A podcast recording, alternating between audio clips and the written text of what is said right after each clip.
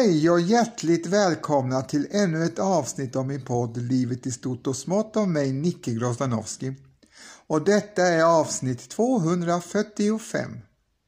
I detta avsnitt ska vi stifta bekantskap med Suezkrisen som ägde rum i mitten på 1950-talet. Men vi ska börja med det som var orsaken till konflikten, nämligen Suezkanalen. Suezkanalen är en större kanal mellan Medelhavet och Röda havet som gör det möjligt för fartyg att färdas mellan Europa och Asien utan att behöva segla runt Afrika. Frågan om att skapa en segelbar förbindelse mellan Medelhavet och Röda havet är av mycket gammalt datum. En första kanal kan ha byggts redan under farao Senusret den andre under 1800-talet f.Kr. Det främsta skälet var att underlätta handel med landet Punt i Östafrika. Men Senusrets kanal övergavs och slammade igen. Under det tolfte århundradet f.Kr. under faraonerna Seti den förste och hans son Ramses den andre vet man att en kanal var i bruk. Den gick från Nilen nära Bubastis till sjön Timash och sedan vidare mot Röda havet via Hereopolisviken, nuvarande Bittersjöarna, och ett tillkommande skäl var att möjliggöra förflyttningar av egyptiska flottor mellan de båda haven. Även detta kanalbygge försummades dock och förföll.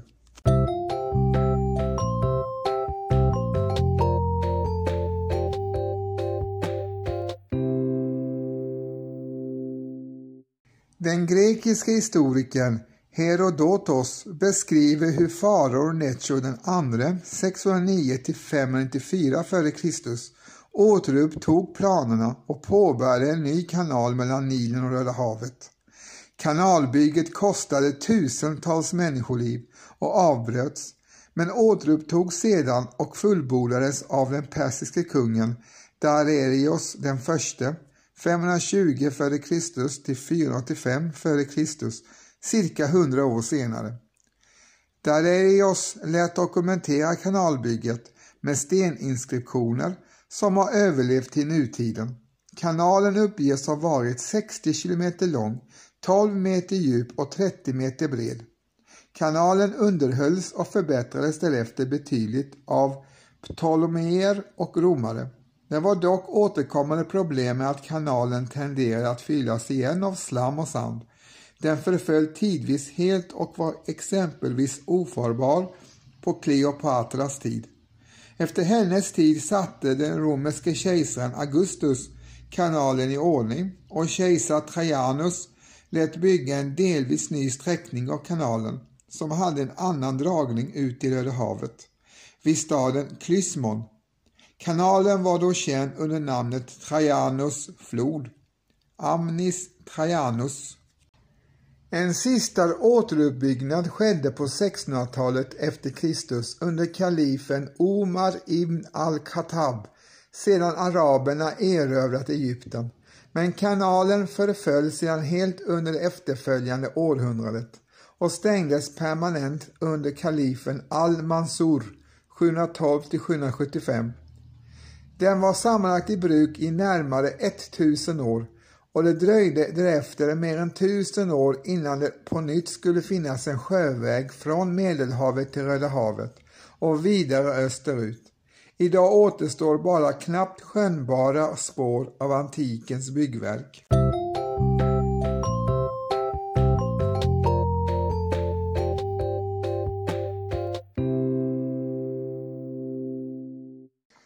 Suezkanalen byggdes mellan 1859 och 1869 under det Osmanska rikets styre av Suez Channel Company.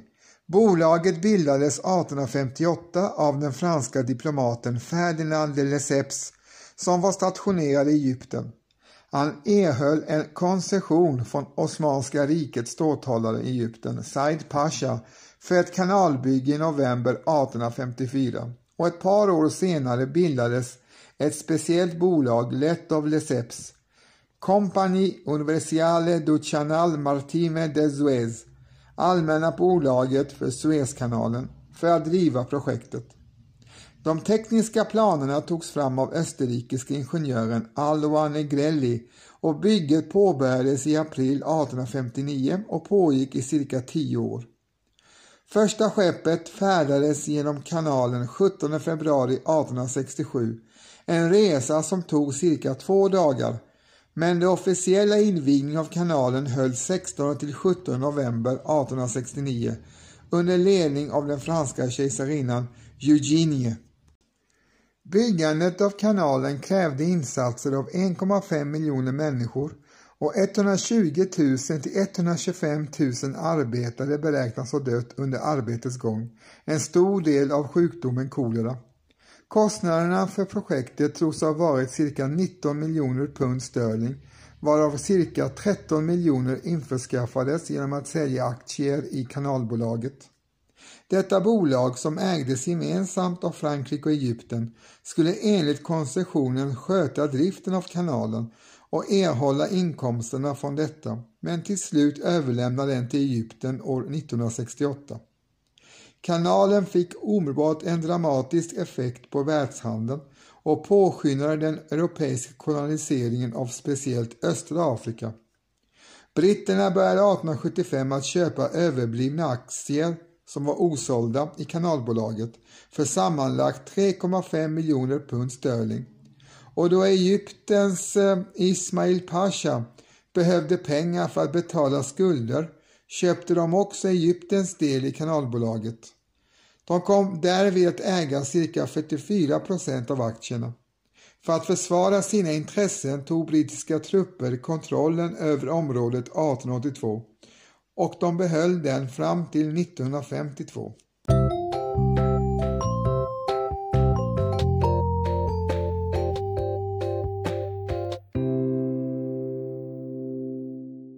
Kanalen går från Port Said vid Medelhavet i norr till Suez vid Röda havet i söder och är 163 kilometer lång, vilket gör den till världens längsta kanal för stora fartyg.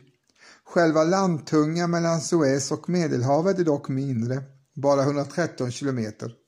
Kanalen passerar på sin väg genom flera sjöar, var den största är de båda Bittelsjöarna. Parallellt med den egentliga kanalen går en mindre sötvattenskanal som får sitt vatten från Nilen och som används för områdets vattenförsörjning. Två broar och en tunnel förbinder de båda sidorna med varandra. Suezkanalbron, en fast högbro vid El Quantra. El Ferdanbro, en svängbro. Ahmed Hamid-tunneln söder om Bittersjöarna.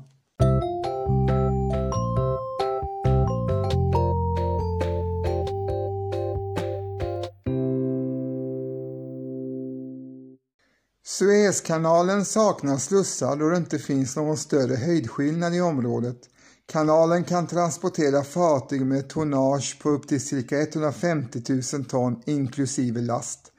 Tillåtet djupgående är 16 meter och förbättringar är planerade som ska tillåta fartyg med ett djupgående på upp till 22 meter, vilket skulle kunna tillåta supertankers i framtiden.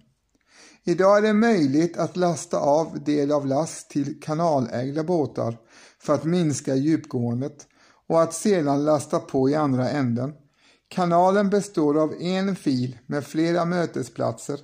Under en normal dag passerar tre konvojer, två sydgående och en norrgående.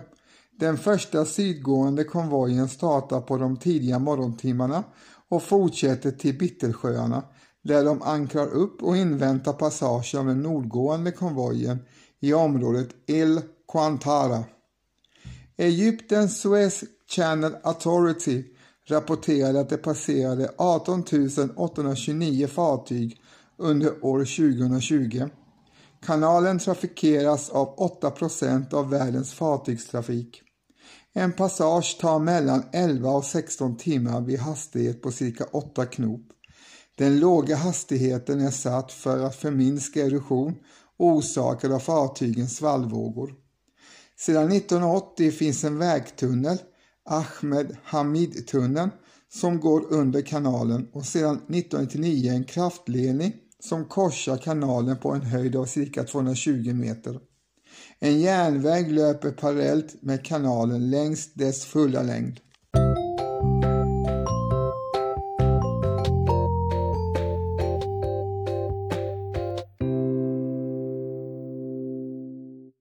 Suezkrisen eller Operation Kalesh eller Sinai-kriget kallas det ett krig där Israel, Storbritannien och Frankrike anföll Egypten i slutet av oktober 1956. Upprinnelsen till anfallet baserades bland annat på att det brittisk-franska Suezbolaget som kontrollerade Suezkanalen hade tillstånd att bedriva verksamheten fram till 1968 varefter ägandet skulle övergå till den egyptiska staten. Egyptens president Gamal Abdel Nasser beslöt dock att nationalisera Suezbolaget i förtid den 26 juli 1956, ett beslut som av kanalens ägare uppfattades som en klar provokation och som enligt deras mening krävde en motreaktion. Israel, som betraktar Egypten som sin värsta fiende, anslöt sig till planerna för denna motreaktion.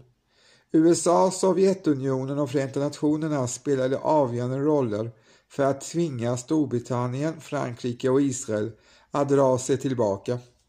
Mindre än ett dygn efter att Israel invaderade Egypten den 29 oktober 1956 utfärdade Storbritannien och Frankrike ett gemensamt ultimatum till Egypten och började sedan bomba Kairo.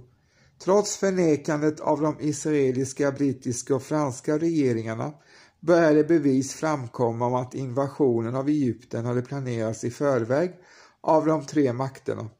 Brittisk-franska styrkor drog sig tillbaka före slutet av året men israeliska styrkor återstod till mars 1957 och förlängde därmed krisen. I april öppnades kanalen helt igen för sjöfart men andra återverkningar följde.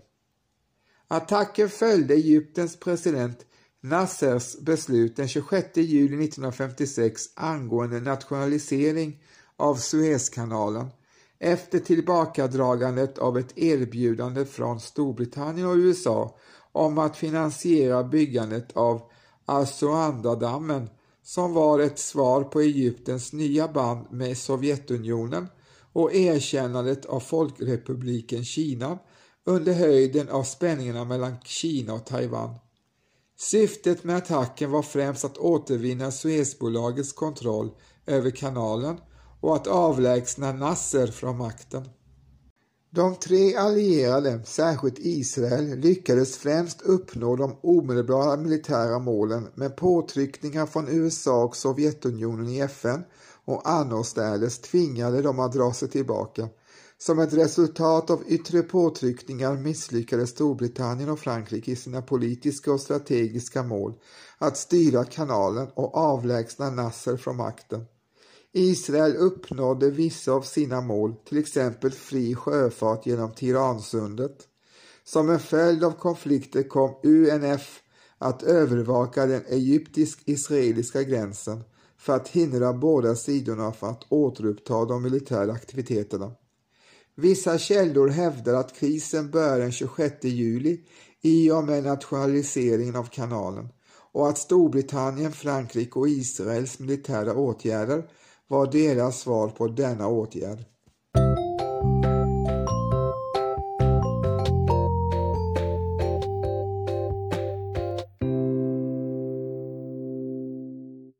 Efter att Egyptens president Gamal Abdel Nasser nationaliserat Suezkanalen inleddes ett inofficiellt samarbete mellan Israel och de två västeuropeiska stormakterna Frankrike och Storbritannien.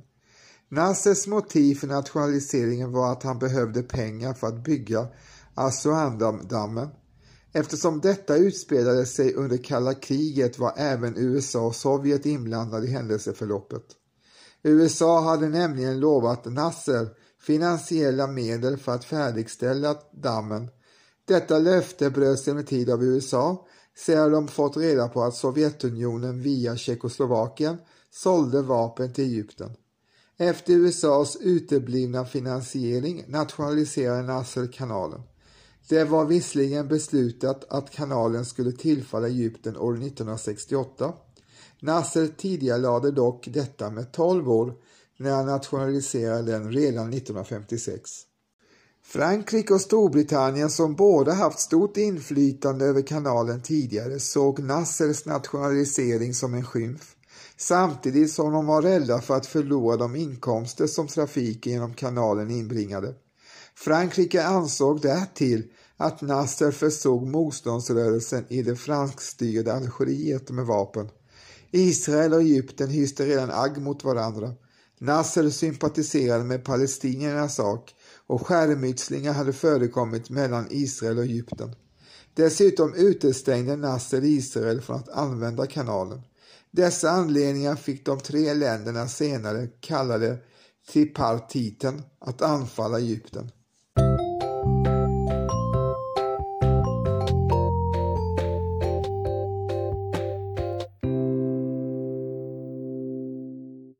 Planläggningen av anfallet på Egypten skedde i Paris. Man bestämde att Israel skulle agera som om de försökte sig på en invasion.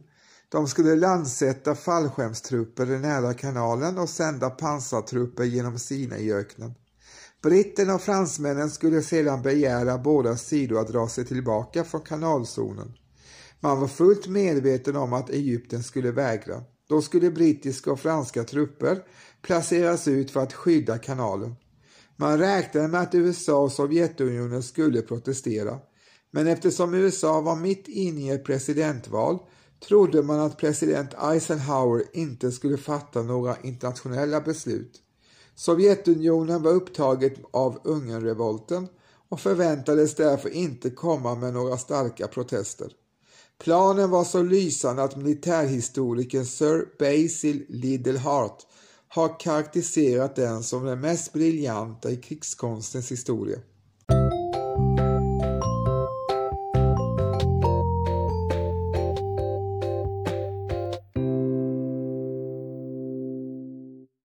1955 var Storbritannien angelägen att skapa en försvarspakt mellan sig och länder i Mellanöstern för att på så vis kontrollera det sovjetiska inflytandet i dessa länder. Storbritannien skrev under Bagdadpakten med Turkiet och Irak i februari 1955, något som kritiserades hårt av Egyptens president Nasser. Nasser menade att om länderna i Mellanöstern höll ihop skulle man kunna få västvärlden att sälja vapen utan att behöva ingå militära pakter. Efter vapenstilleståndet 1949 mellan Egypten och Israel hade det inte varit läge för en fredsavtal. Ingen egyptisk ledare skulle ha kunnat skriva under ett fredsavtal och behållit makten. Egypten vägrade att låta israeliska fartyg passera genom Suezkanalen. FNs säkerhetsråd krävde i september 1951 att israeliska fartyg skulle få passera, men Egypten struntade i detta. Israel såg med oro hur britterna planerade att dra sig ur Egypten och den israeliska säkerhetstjänsten inledde sommaren 1954 en bombkampanj kallad för Lavon-affären mot brittiska och amerikanska mål i Egypten. Den 28 februari 1955 utbröt på nytt oroligheter vid den egyptiska-israeliska gränsen när den israeliska armén anföll ett egyptiskt regemente i Gazaremsan. 38 egyptier dödades och Nasser bestämde sig för att den egyptiska armén måste upprusta. Han mötte den brittiska ambassadören Sir Ralph Stevenson men fick veta att några större vapenaffärer kunde det inte bli tal om så länge Nasser fortsatte att kritisera Bagdadpakten. Även USA vägrade att sälja vapen till Egypten. Nasser tog istället kontakt med Sovjetunionen som var beredd att sälja vapen. Den 27 september förklarade han att Egypten köpt vapen från Tjeckoslovakien i utbyte mot ris och te. Affären var dock i praktiken med Sovjet och har senare av USA uppskattats till 80 100 MIG-plan, 30 45 Ilucian-28 bombplan, 100 stridsvagnar, hundratals pansarskyttefordon samt annan militär utrustning. Affären ledde till att Nasser nu framstod som arabvärldens främsta ledare. Ingen annan hade vågat gå emot Storbritannien och USA på det här sättet förut. Det hela var också en fortsatt uppmuntran till arabisk nationalism som var motståndare till amerikanskt och brittiskt inflytande i området. I september 1955 skärpte Egypten blockaden av Israel genom att även blockera Tiransundet för israeliska fartyg och flygplan. Sundet skiljer Egypten från Saudiarabien och är endast tre kilometer brett. Egypten ansåg dels att området inte var internationellt vatten, dels att det var rimligt med hänsyn till att länderna formellt var i krig med varandra.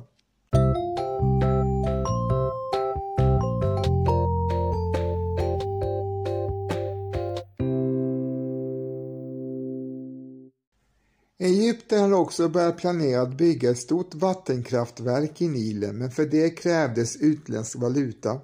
Egypten ville låna pengar av Världsbanken men förhandlingarna hade gått i stå. Men när Sovjet i oktober 1955 förklarade sig beredd att låna 100 miljoner dollar erbjöd USA och Storbritannien snabbt ett lån. Nasser ogillade dock de i hans ögon hårda villkoren Bland annat skulle Egypten lova att inte ta emot stöd från kommunistiska länder.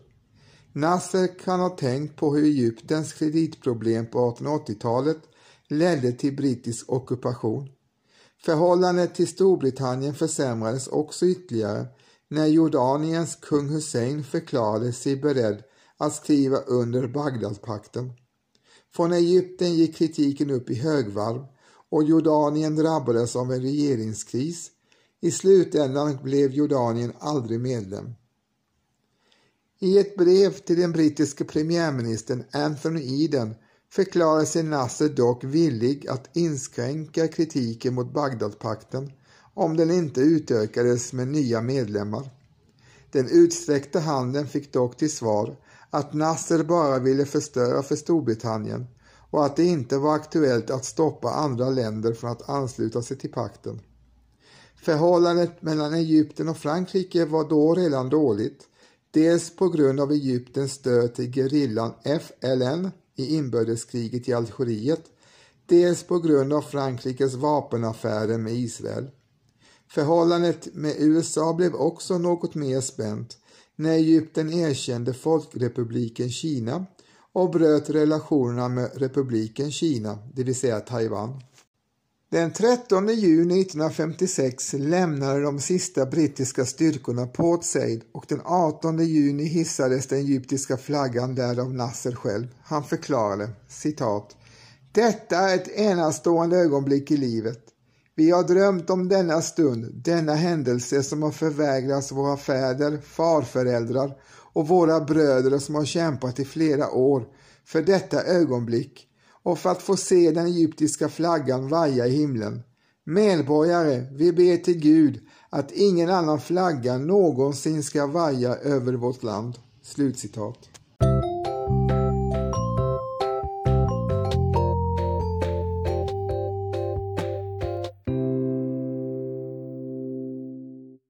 I en folkomröstning godkändes en ny författning och Nasser valdes till president.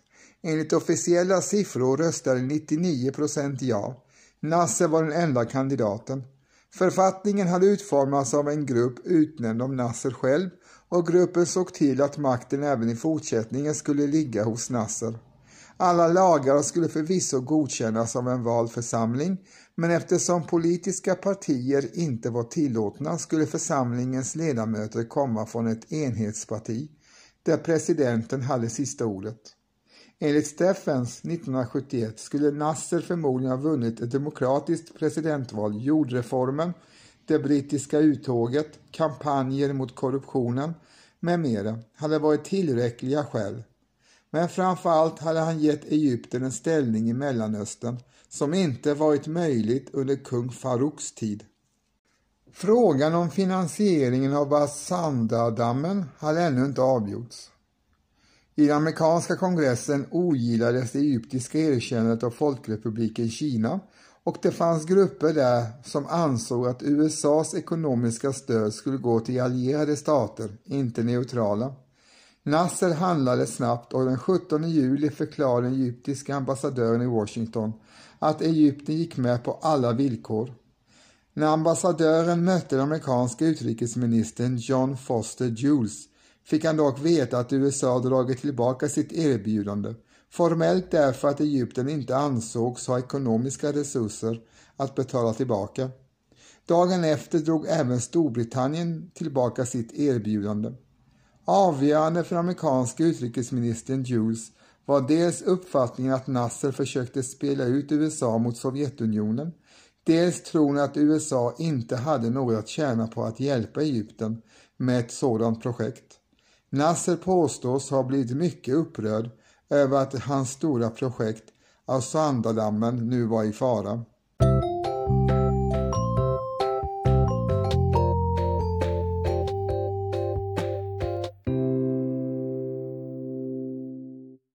Frågan om en nationalisering av Suezkanalen hade varit aktuell i flera år. Syftet med det skulle vara att öka tillgången på utländsk valuta, valuta som annars placerades i utlandet.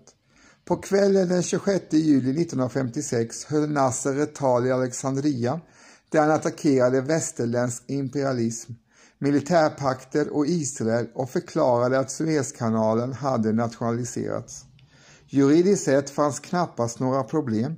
Inom internationell rätt fanns inga hinder för att nationalisera privata bolag om ersättning betalades ut och kanalbolaget hade bara koncession på att driva kanalen fram till 1968. Argumentet att nationalisering var ett brott mot Konstantinopelkonventionen från 1888 som garanterade fri genomfart genom kanalen för all framtid blandades ihop frågan om vem som skulle få använda kanalen med vem som skötte den. Storbritannien ville att någon slags internationell myndighet skulle ansvara för kanalen, något Egypten motsatte sig. De verkliga skälen för motståndet var förstås politiska. Mellanösterns olja passerade i tankbåtar genom kanalen till västvärlden.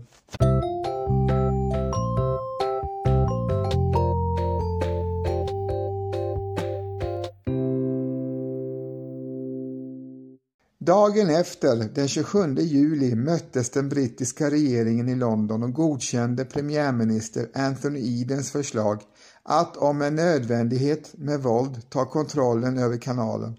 Brittiska och franska militärstyrkor drog sig samman på Malta.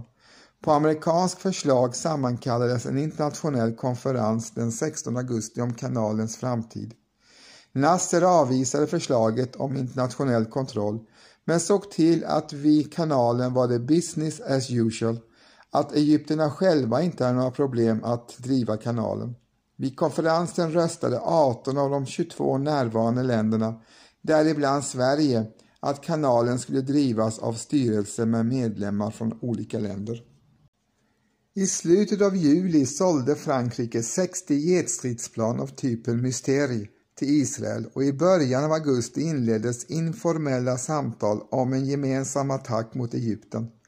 I september sålde Frankrike ytterligare 100 stridsvagnar, 200 trupptransportfordon, 300 lastbilar samt ytterligare utrustning.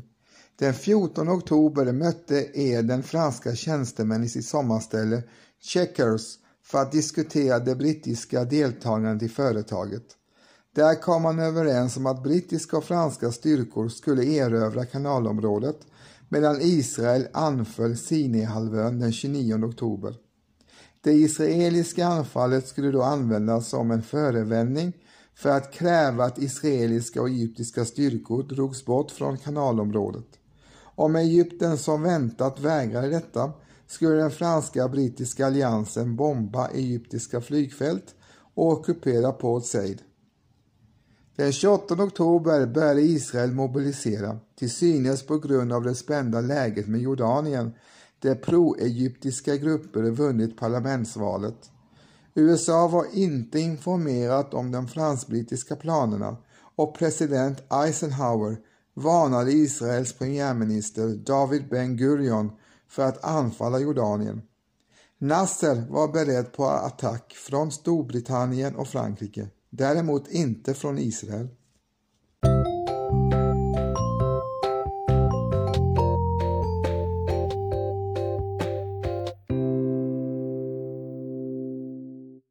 I en tidningsintervju i mitten av oktober tillfrågades Nasser hur Egypten skulle kunna strida mot två av världens stormakter. Nasser svarade citat men jag har inte för avsikt att slåss mot dem. Jag tänker vänta på att världsopinionen räddar mig." Slutcitat. Genom att inte besvara krigshotet med egen aggressiv retorik eller fientliga handlingar lyckades Nasser också vinna stöd runt om i världen genom bilden av honom som ett offer för kolonialismen, något som bara stärktes efter att britterna vägrade att acceptera FN-medling och istället fortskred med krigsplanerna tillsammans med fransmännen och israelerna. Klockan fem på eftermiddagen den 29 oktober anföll Israel genom luftlandsättning av 398 fallskärmsjägare vid Mittlandpasset öster om kanalen samtidigt som israeliska styrkor korsade gränsen på tre ställen. Den 30 oktober hade de israeliska markstyrkorna kämpat sig fram till Mittlandpasset när den brittiske premiärministern Anthony Eden och den franske premiärministern Guy ställde ett ultimatum. De israeliska och egyptiska styrkorna måste dra sig tillbaka på varsin sida om kanalen samtidigt som brittiska och franska styrkor säkrade kanalområdet. Egypten vars styrkor slogs på Sinaihalvön vägrade självklart medan Israel som planerat gick med på detta. När Egypten vägrade började brittiska bombplan bomba egyptiska flygfält den 31 oktober. I USA hade president Eisenhower reagerat över att bli förd bakom ljuset av sina allierade. I FNs säkerhetsråd lade USA fram en resolution som krävde att Israel drog sig tillbaka till sin sida av gränsen. Både Storbritannien och Frankrike lade in sina veton mot detta. Säkerhetsrådet beslutade istället att generalförsamlingen skulle sammankallas. När Storbritannien började bomba beslutade Nasser att dra tillbaka de egyptiska styrkorna från öknen till kanalområdet samt att sänka de skepp som fanns i kanalen för att göra denna oanvändbar. 400 000 gevär delades ut till civilbefolkningen för att försvåra en ockupation av landet. Den 3 november sprängde syriska trupper den oljeledning som fraktade olja från Irak till Medelhavet och Saudiarabien stoppade försäljning av olja till Storbritannien och Frankrike. Generalförsamlingen möttes den 1 november och utfärdade en resolution som krävde omedelbart eldupphör. Trots detta ockuperade brittiska och franska fallskärmsjägare på morgonen den 5 november Port Said och Port Foud vid kanalen och strider utbröt med civilbefolkningen. Samma kväll hade Sovjetunionens premiärminister Nikola Bulganin i ett brev till Eden, Malé och Ben Gurion hotat med kärnvapenkrig. FNs generalförsamling beslutade på förslag från Kanadas utrikesminister Lester Pearson att ordna fram fredsbevarande styrkor, UNEF, United Nations Emergency Force. Och efter att ha erövrat Port Said förklarade Storbritannien sig villig att eh, godkänna FNs krav på vapenvila. Efter att ha erövrat Shram el-Sheikh gick även Israel med på vapenvila. För Storbritannien hade USA gjort klart att nu när det inte skulle komma någon olja på flera veckor skulle USAs hjälp med att hålla växelkursen för det brittiska pundet bero på den brittiska fredsviljan. Storbritannien skulle också behöva USAs hjälp att köpa olja.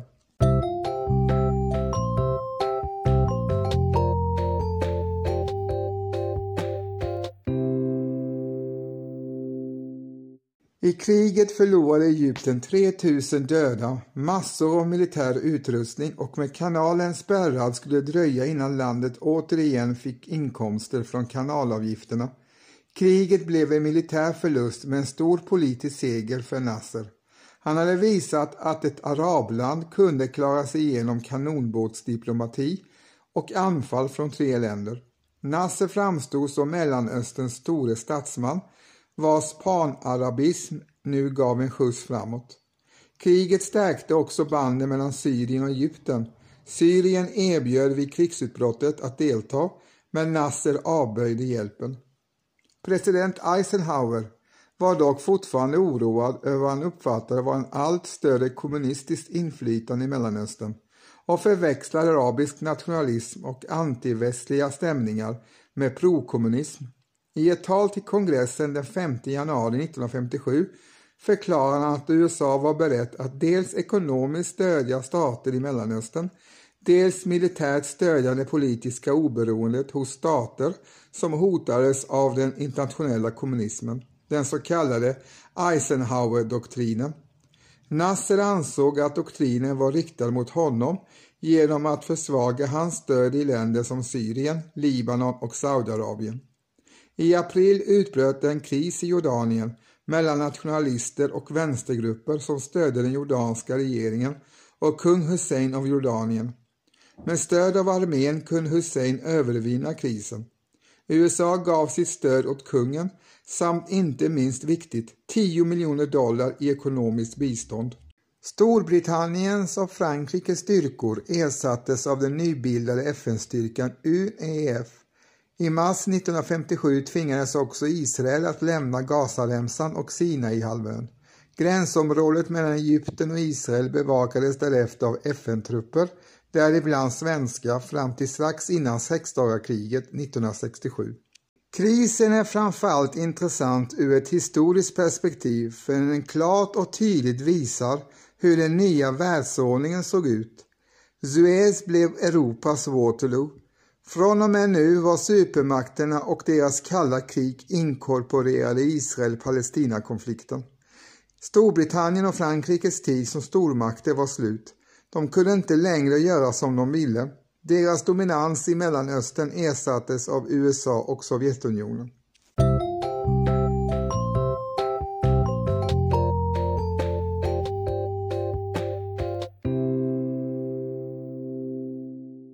Ja, då har ni alltså fått höra om Suezkrisen 1957, en av många konflikter och oroshärdar som ägde rum under kalla krigets dagar efter andra världskrigets slut 1945. En tid då Sovjetunionen och USA försökte skaffa sig herravälde genom att kontrollera motparten och genom att skaffa sig bundsförvant och allierade försöka få kontroll över större delen av vår kära jord. Och eh, många gånger var ju tredje världskriget och knackade på dörren men det bröt ju aldrig ut som tur var. Men många krig och konflikter fick världen uppleva under kalla kriget och detta var en av dem.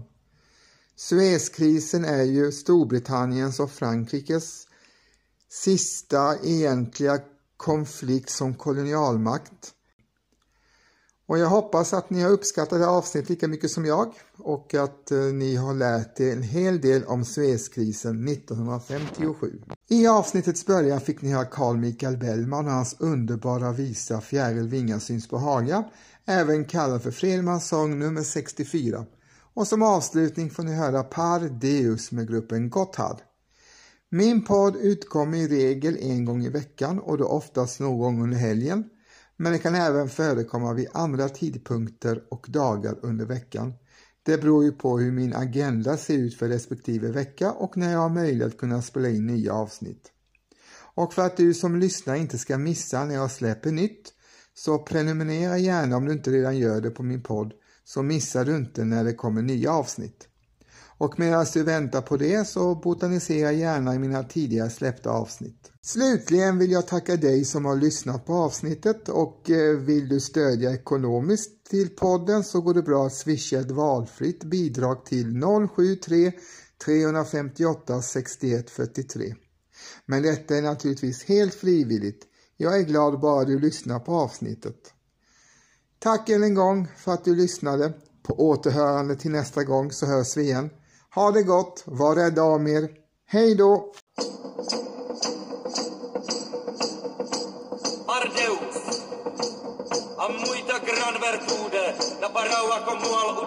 todos Santa Maria,